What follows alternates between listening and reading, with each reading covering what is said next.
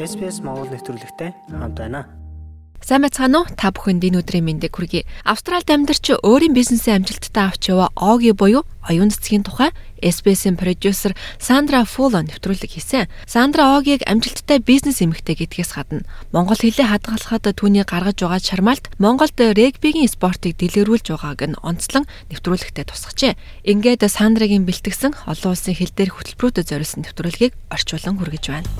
SPS Монгол хэлээр бидний нэвтрүүлгийг Facebook сошиал хуудасаар бусдаа хуваалцаарай. Дэлхийн нийт хэлний тал орчим хувь нь устдах аюулд орсон гэж эрдэмтэд үздэг. Австрал Монгол хосууд спортоор дамжуулан цөөн хүмүүсийн ярьж байгаа хэллийг хадгалах нэгэн төсөл хэрэгжүүлж байна. Олон баярын оюун цэцэг Night буюу Огийн нэрээрээ олон танигдсан энэ бүсгүй Монголд телевизийн мэдээ уншдаг сэтгүүлч байжээ. Харин Австрал дээрж сэтгүүл зүйн чиглэлээр мастрын зэрэгэ хамгаалсан. 35 нас дөнгөж хүрч байгаа тэрээр дэлхийд даяар өөрийн нэрээр загварын брэнд гарган амжилттай ажиллаж байна. Ogi brand launch on 11th of March. Оги брэнд маань 2017 оны 3 дугаар сарын 11-нд анх худалдаанд гарсан юм а. Бид тэр үед ийм олон захиалга авна гэж төсөөлөөгүй байлаа. Гэтэл нээлттэй хийснээс хойш 7 хоногийн дотор гэхэд бид үйлдвэрлэсэн бараг бүх бүтээгдэхүүнээ зарчихсан байсан. Almost all of the products we made. Энэ бол амжилттай эхлэл. Гэхдээ зөвхөн нэг карьер нь биш байлаа. Оги өөрийн нөхөр Кристофертэй хамт Монгол Австрал хоёр хүүгээ өсгөн хүмүүжүүлэхийн хажуугаар Монголд сургууль байгуулан ажиллаж байна. Тэд энэ сургуулаа загварын бизнесээс хөрөнгө оруулалт татаж мөн Австралийн арилжааны байгууллагаас зээл аван босгожээ. 5 сая орчим долларын өртөгтэй болсон Night Австрал Монголын сургууль нь Багангийн 160 сурагчтай багтаамжтай. Монголын нислэл Улаанбаатар хотод байрладаг. Хадагта Найтын хэлснээр түүний сургуулийн хөтөлбөр монгол хэлээр ярих чадвар буурч байгааг анзаарч түүнийг нь засахыг оролцсон гэлээ. Young children they think that's cool to have only Бага насны хүүхдүүд англи хэлтэй байх, англиар ярих нь тэдний хувьд кул мэт санагддаг болсон. Ингээд тэд монгол хэл соёлоо ямар чухал вэ гэдгийг аажмаар мартаж байна. Mongolian culture and Mongolian language Тэдний дараагийн зорилго бол ахлах сургууль барих юм. Тэд зөвхөн монгол хүүхдүүд төдийгүй өвөр монгол хүүхдүүдийг сургах юм байна. Сүүлийн жилүүдэд өвөг дээдсийнхэн их хэллийг аажмаар мандрин хэлээр солигдож байгаад тентхийн эцэг эхчүүд ихээхэн санаа зовниж эсэргүүцлээ илэрхийлж байгаа.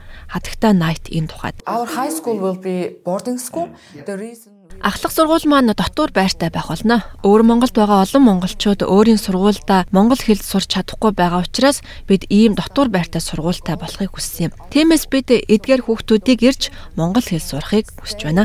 and study Mongolian Их хэл алдагдж байгаа энэ асуудал Маквэрийн их сургуулийн хэл соёлын тэнхмийн эрхлэгч доктор Жен Хенлигийн сэтгэлэгч зовоож байна. It's really important for children to be able to speak the language of their Хүүхдүүд өөрийн хэлээрээ ярьдаг байх нь маш чухал. Учир нь тэдний хэл соёл тэдний түүхтэй холбоотой байдаг. Дэлхийн хэлний бараг тал хувь нь устдах аюулд өртөж, уугуул иргэд үүнд онцгой өртөж байгааг бид мэднэ. Манайд Австрал гэх мэт дэлхийн олон оронд хамгийн ховорцсон хэлүүд байдаг. in the world, including Australia, uh, some of the most critically endangered languages. Даяарчил бол цөөнхийн хэлэнд занал хийлж байгаа нэг аюул.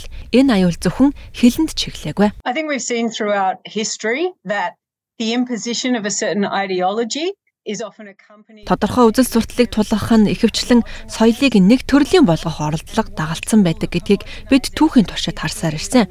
Нэг төрлийн болгох нэг хэрэгсэл бол хэлийг нь илт хорих эсвэл соёлыг гутаанд оромжлох замаар хэлийг устгах явдал юм. Хэл соёл салшгүй холбоотой. Тэгэхээр хэл бол бидний соёлтойгоо харилцах соёлыг дамжуулах арга зам юм.